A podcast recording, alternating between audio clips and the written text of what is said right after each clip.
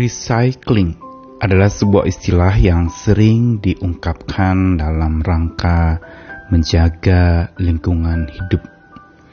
Recycling adalah sebuah proses di mana sebuah barang yang tidak berguna, yang sudah jadi sampah, usang, dan siap dibuang, lalu diolah kembali menjadi sebuah barang baru yang bisa dipakai yang berguna kembali. Hanya untuk proses recycling atau daur ulang yang dilakukan, ada yang harus dihancurkan habis-habisan lalu dibentuk lagi menjadi yang baru sama sekali, atau ada yang tidak sampai hancur habis-habisan, namun memang perlu diproses untuk supaya dia menjadi baru dan berguna kembali.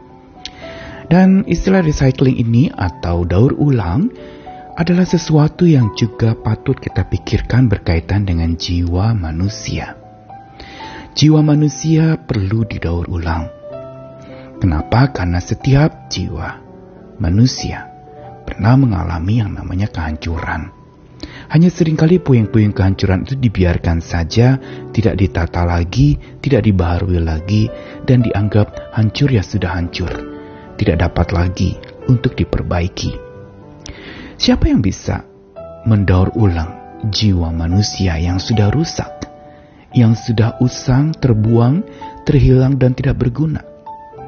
Satu-satunya tentu Dia yang menciptakan jiwa manusia, yaitu siapa lagi kalau bukan Tuhan sendiri.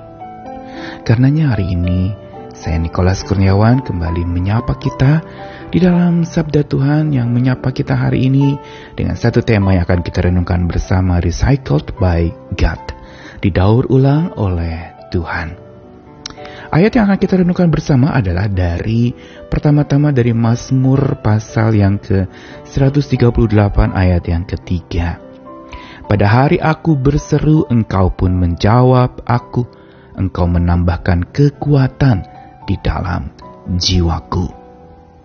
Lalu dalam Efesus pasal 4 ayat 21 sampai 24, sebuah kutipan dari tajuk manusia baru di dalam Efesus pasal 4 itu yang mau mengingatkan tentang bagaimana prinsip dasar dari seseorang itu mengalami pendaur ulangan oleh Tuhan, yaitu kelahiran kembali.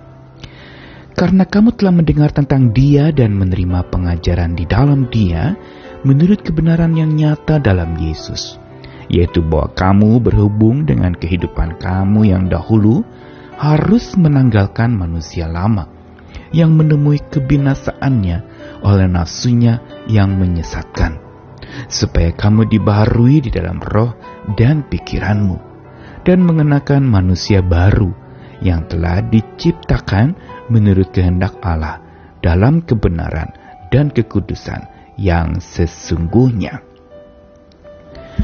Dua bacaan kita menggarisbawahi tentang bagaimana jiwa seseorang yang lemah, yang hancur, yang porak-poranda, tidak berdaya, yang merasa tidak berguna kembali, itu dipulihkan oleh Tuhan. Di dalam Mazmur 138, pemazmur berseru kepada Tuhan, dan Tuhan menambahkan kekuatan di dalam jiwanya. Berseru kepada Tuhan inilah syarat untuk recycling atau proses daur ulang yang Tuhan kerjakan dalam hidup kita. Ada seruan kepada Tuhan, dan ada jawaban dari Tuhan, ada dialog, ada hubungan interaktif yang terjadi antara kita dengan Tuhan. Dan inilah yang saya suka sebutkan bahwa interaksi yang terbangun antara kita dengan Tuhan adalah seperti kita pulang ke hati Tuhan ada sebuah percakapan dari hati ke hati kita dengan Tuhan. Kita berseru dari hati kita dan Tuhan menjawab kita dan inilah terjadi interaksi yang hidup yang makin memperkuat relasi kita dengan Tuhan.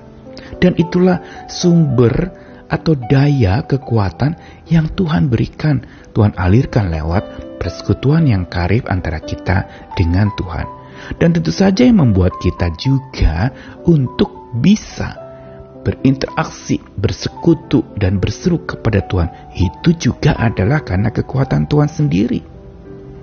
Karena sebagaimana barang daur ulang, sesuatu yang sudah rusak, tidak berdaya, bahkan sudah tidak berfungsi kembali, itu diubahkan oleh tangan yang tepat. Kalau barang bekas, barang usang, barang yang sudah tidak terpakai, yang bahkan sudah tampaknya tidak berguna, di tangan yang tepat dia akan menjadi sesuatu yang indah dan baru kembali dibarui dengan bentukan yang baru dan yang menjadi aktor utama dalam pembaruan atau pendaur ulangan dari barang-barang bekas itu adalah tangan sang maestro, tangan sang seniman, tangan yang mengerjakannya. Itulah tangan yang tepat Tuhan sendiri yang di tangannya kita yang jiwanya merasa usang, saya sudah tidak berguna, saya ini sudah orang kuno, saya ini orang lama, saya ini sudah lanjut usia, saya ini sudah tidak berdaya, saya ini sudah gagal total, saya ini sudah hancur-hancuran.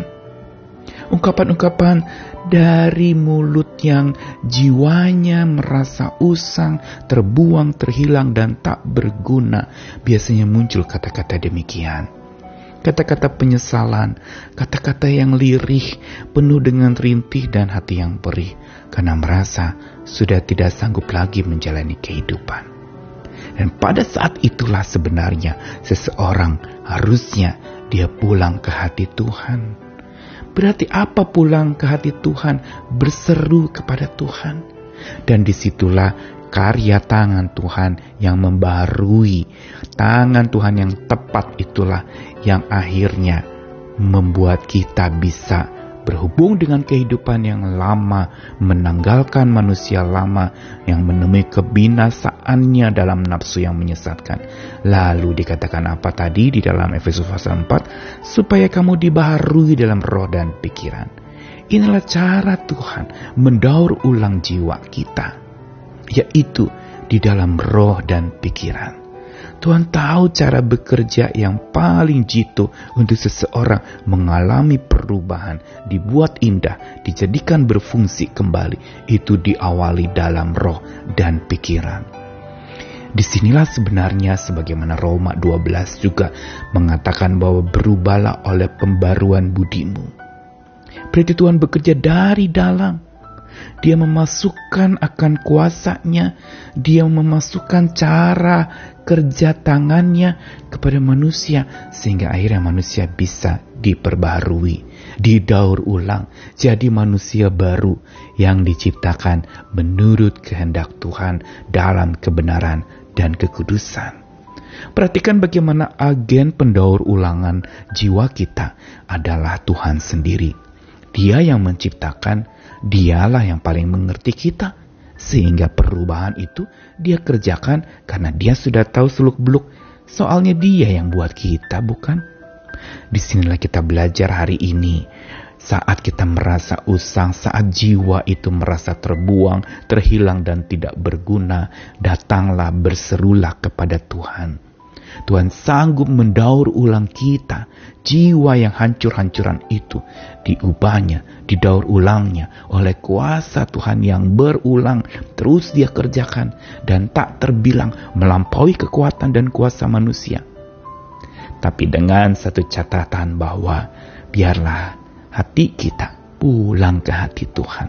Sehingga ketika hati kita dengan hati Tuhan berpadu, di situlah cara kerja Tuhan yang mendaur ulang kita terjadi. Ayo andalkan kuasanya yang mendaur ulang hidupmu. Hari ini apa yang kau sedang rasakan, bawa kepada Tuhan. Minta dan katakan, Tuhan daur ulang air mataku jadi mata air kehidupan. Tuhan daur ulang kesedihanku jadi sukacita sejati. Tuhan daur ulang kekalahanku jadi kemenangan abadi. Tuhan daur ulang segala macam perkabunganku menjadi sebuah penggabungan yang akbar dengan Tuhan yang maha akbar itu. Tuhan mengasihi kita. Ayo datang kepada Tuhan. Siapa pun kita yang rasa letih, lesu, lemah, usang, terbuang, terhilang, dan tak berguna. Dia mau berkarya lagi dalam hidupmu. Siap didaur ulang oleh Tuhan. Amin.